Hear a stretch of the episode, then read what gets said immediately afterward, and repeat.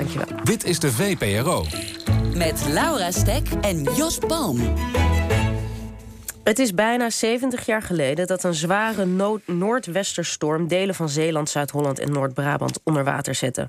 Sinds de watersnoodramp zou Zeeland nooit meer hetzelfde zijn. Tractoren vervingen werkpaarden, toeristen vonden hun weg naar de Zeeuwse kust. Kortom, het voorheen geïsoleerde Zeeland veranderde in rap tempo. In een nieuwe tijd schrijft Corine Nijenhuis over Zeeland na de ramp. Welkom. Dankjewel. Ja, er is veel over de watersnoodramp geschreven. Wat maakte dat jij dacht, nou, daar ga ik me ook maar eens even aan wagen? Nou, ik dacht eerst, daar ga ik me helemaal niet aan wagen. Ehm, mij werd uh, gezegd, 70 jaar later, uh, uh, zou je daarover willen schrijven? Ik heb veel met het onderwerp, omdat het echt ook wel voor mij heel erg gaat over de strijd van de Hollanders met het water, voortdurend, wat ze ook regelmatig verliezen.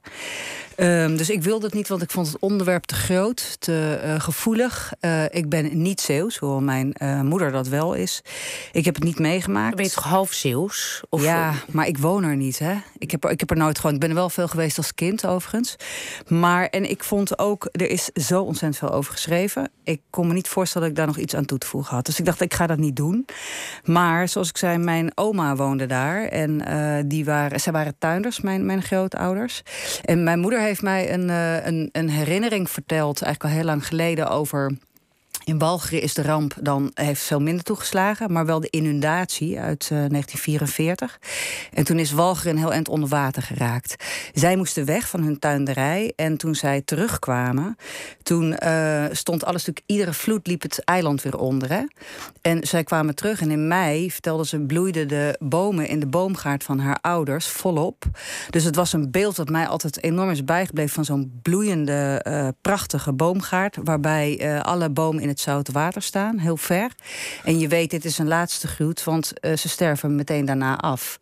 En voor mij maakte dat, uh, ik realiseerde me dat is een herinnering die gaat over na uh, die gebeurtenis. En het maakte het voor mij mogelijk om eigenlijk over de ramp heen te kunnen kijken. En te schrijven over wat er daarna gebeurde. Want dat, daar is dan, denk ik, nou, iets minder over bekend. En ik ben eigenlijk gaan zoeken naar sporen in het landschap in de mensen en in het water. Want er is natuurlijk heel veel water. En daar kwamen zes vertellingen uit en zes vaarverslagen, noem ik ze. Ja. Kun, je, kun je ons schetsen dat Zeeland van voor de ramp, hoe dat eruit zag? Nou, ik denk wat heel belangrijk is om te weten dat het waren echt uh, losse eilanden. En je had uh, uh, weinig verbinding, alles ging over het water. Dus de scheepvaart was heel erg belangrijk. Um, en omdat het zo geïsoleerd was, had je heel veel. Ik bedoel, het ene eiland is het andere eiland niet. En op de eilanden zag je al enorme verschillen onderling. En dat is wat je heel erg nu ook hoort. in mijn onderzoek, ik ben op veel plekken geweest, dan heeft iedereen heeft het altijd over. dan zeg ik ja, maar Zeeland, dit en dat. Dan zegt ze nee.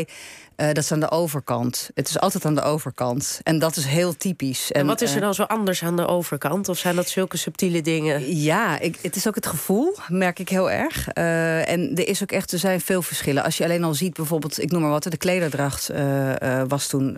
Veel mensen liepen in klederdracht. Ook mijn oma. Ik ken mijn oma niet anders dan in klederdracht. Maar zij kwam van Walcheren en ze had een hele andere klederdracht al dan bijvoorbeeld de mensen in Domburg, wat nog op haar eigen eiland was. En dat is wel heel specifiek van dat, je het, uh, nou ja, dat daar een groot, groot verschil tussen zat. En dat zie je eigenlijk overal wel in terug. En, en wat deed dan die ramp met Zeeland? Veranderde dit allemaal? Wat, wat gebeurde? Want Zeeland moet zichzelf als het ware opnieuw uitvinden. Vertel eens, nou, laten we de vraag simpel stellen. Wat was er allemaal kapot? Ja, het was onvoorstelbaar. Uh, je moet je voorstellen, er zijn natuurlijk uh, ontzettend veel mensen verdronken, hè? 1836. Maar er zijn Um, wat er vooral eigenlijk gebeurd is, is er is zoveel. De dijken gingen door en er is zoveel land onder water gegaan. Zoveel vernield aan de dorpen en, en de, de, de gehuchten vooral. Maar de effecten waren heel groot, omdat uh, daarna, tijdens de, de vloed, iedere vloed, dus twee maal per etmaal, bleef het uh, land onderlopen.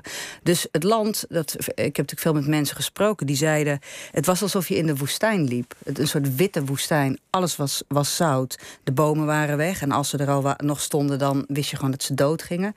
Uh, hele gehuchten werden vernietigd. Er werd ook heel veel, mocht uiteindelijk niet herbouwd worden. Dat was heel tragisch. Um, dus dat had een heel groot effect. Maar ook als je kijkt naar uh, de zeearmen die ertussen uh, zaten. Kijk, na de ramp was het op een gegeven moment wel weer, hoe moet je dat zeggen, zoals het daarvoor was. Behalve dat al die dijken door waren en dat continu maar het eiland op bleef stromen. Dus het is niet één, uh, één gebeurtenis, maar de effecten blijven heel lang doorgaan tot de dijken dichtgaan. En dan krijg je eigenlijk uh, de gedachte van nou, Zeeland was, omdat het zo lang geïsoleerd is, nu gaan we het verbinden met, uh, via de deltawerken, die heel bepalend zijn geweest. Wat gaan we dan doen? En het was ook het moment waarop eigenlijk vanuit uh, overheidswegen werd gedacht... nou, nu gaan we herverkavelen. Dus niet ruilverkavelen, maar herverkavelen. Dus het landschap werd, dat veranderde enorm ingrijpend na de ramp. Dus het was ook een soort gebeurtenis waarna de vernieuwing heel snel ging. En had dat ook een sociale impact, die herverkaveling? Enorm. Want je zag bijvoorbeeld ook, wat, wat ik heel interessant vond... Uh, dat ging ook bijvoorbeeld... Iemand uh, vertelde mij dat je had heel veel, zoals mijn, mijn grootouders, boomgaarden. Maar die waren hartstikke verwoest. En eigenlijk kwam het erop neer, langzamerhand, zeker toen die eilanden toegankelijker werden weer, of, of hè, later, zeker met de verbindingen, kwam er veel meer toerisme. En ze zeiden eigenlijk was het makkelijker om uh, niet meer de bomen terug te planten, maar zoals iemand mij het zo mooi zei, een slagboom neer te zetten. Uh, en je je, je, je grond te verhuren als camping of aan toerisme.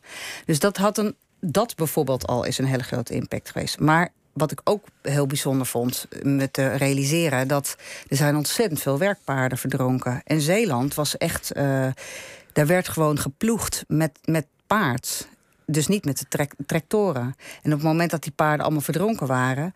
ja, daarna kwamen de tractoren... en kreeg je een heel ander soort, uh, soort beeld, heel ander soort landbouw. Maar Zeeland gaat dus als het ware een beetje open. Het is niet meer ja. geïsoleerd van Nederland niet en van elkaar niet. Al die eilanden staan veel meer in verbinding met elkaar. En er komen allemaal toeristen. Ja. Wat doet dat met zo'n bevolking? Ja. Want ineens moet je uh, Hollands gaan praten. Je moet misschien in je winkel andere dingen neerleggen. Kranten uit de rest van het land. Wat, wat deed het met de Zeeuwen? Nou, kijk, wat ik natuurlijk. Ik heb heel veel uh, gesproken met mensen die, die dat uh, ook tweede generatie, derde generatie, die daarover vertelden. Hè, van, die zeiden ja eigenlijk uh, veel zeiden ja, wij verloren onze identiteit een beetje. En uh, bijvoorbeeld, uh, de, je, je ziet ook zo, er zijn heel veel verschillende uh, dialecten. En ik vind het heel leuk, want ik ben Walgers, versta ik eigenlijk ook al niet heel goed, maar dat nog een beetje. Maar zij zeiden ook, ja, wij raakten ons dialect kwijt. En dat vond ik wel een heel indrukwekkend gegeven. Um, en waarom was dat dan? Waarom, dus, raakte, waarom was dat? Eigenlijk omdat je, je, je was voorheen, was je, die, die dorpen waren heel, uh, nou opnieuw, hè, dat was heel erg samen. Dus ze hadden ook een soort uh, manier van omgaan met elkaar. Dat nogmaals, dat zie je bijvoorbeeld heel sterk in, terug in de, in de klederdracht. Dat werd heel erg bepaald door hoe zo'n dorp was en hoe daarover nagedacht werd. Dus het verschil kon al per dorp zijn. Uh, en dat gebeurde eigenlijk ook zodra dat geïsoleerde wegviel, gingen mensen, kwamen gewoon in contact met de buitenwereld. En ik denk, je kunt wel zeggen, die ramp is echt een, uh, zo wordt het ook genoemd, een kantelpunt geweest. Omdat daarna veranderd. Kijk, er is natuurlijk heel veel veranderd in de jaren 50 uh, in Nederland sowieso. Maar hierbij kan je eigenlijk zeggen, het is de het is heel lang heel erg bij het oude gebleven. En toen die ramp kwam, bang, weet je, ja, kwam dus, de nieuwe wereld dus binnen. Eindelijk zeg je, de situatie is zo voor voor de ramp was Zeeland zodanig geïsoleerd dat wat er in Nederland ook veranderde, dat drong heel mondjesmaat of ja. niet door tot Zeeland. Ja. Na de ramp is wat er in Nederland gebeurt aan modernisering, gebeurt ook al veel sneller in Zeeland. Had dat ook gevolgen voor zoiets als uh, het geloof? Hè? Want als je ja. Zeeland was een, een uitermate uh, gelovige, zwaar steile protestantse uh, provincie heel lang. Veranderde daar ook iets? Ja, dan, dan, moet ik wel zeggen, ook, ook daar, je merkt ook inderdaad in, in het uh, protestants geloof je dat mensen waren gereformeerd. Dat is zwaarder dan hervormd. Maar wat ik wel weer aardig vind, want uh, hier hoor ik het ook alweer. er zijn ook katholieken hè, in, in Zeeland. Ah, ja, ja, nee, maar ja, bijvoorbeeld ja. Zeeuws-Vlaanderen. En, en dat vond ik heel ja. mooi, want daar is het dus weer heel anders. Dus ik kan nooit zo goed zeggen. Ik, ben, ik hoed mij een beetje om te, he, te hebben over Zeeland als. He, want het zijn zoveel verschillende eilanden. Maar om antwoord op je vraag te geven. Um, ik hoor natuurlijk wel, kijk, die ramp is zo van invloed geweest en heeft zoveel leed veroorzaakt, dat al heel snel kwam de waarom-vraag. Nou, en het antwoord was ook wel bij de gereformeerde vrouw: ja, uh, het is een straf van God. En dat is natuurlijk heel heftig. Eigenlijk zie je al heel snel in de krant, volgens mij drie dagen na de ramp, dat. Uh, nou, dat, dat er wordt gezegd uh, ja, dat het een, een, een, straf van God is. En dat het er ook over gaat dat mensen uh, zich alsnog kunnen bekeren, et cetera. En dat vond ik een hele heftige, ja, om dat te lezen.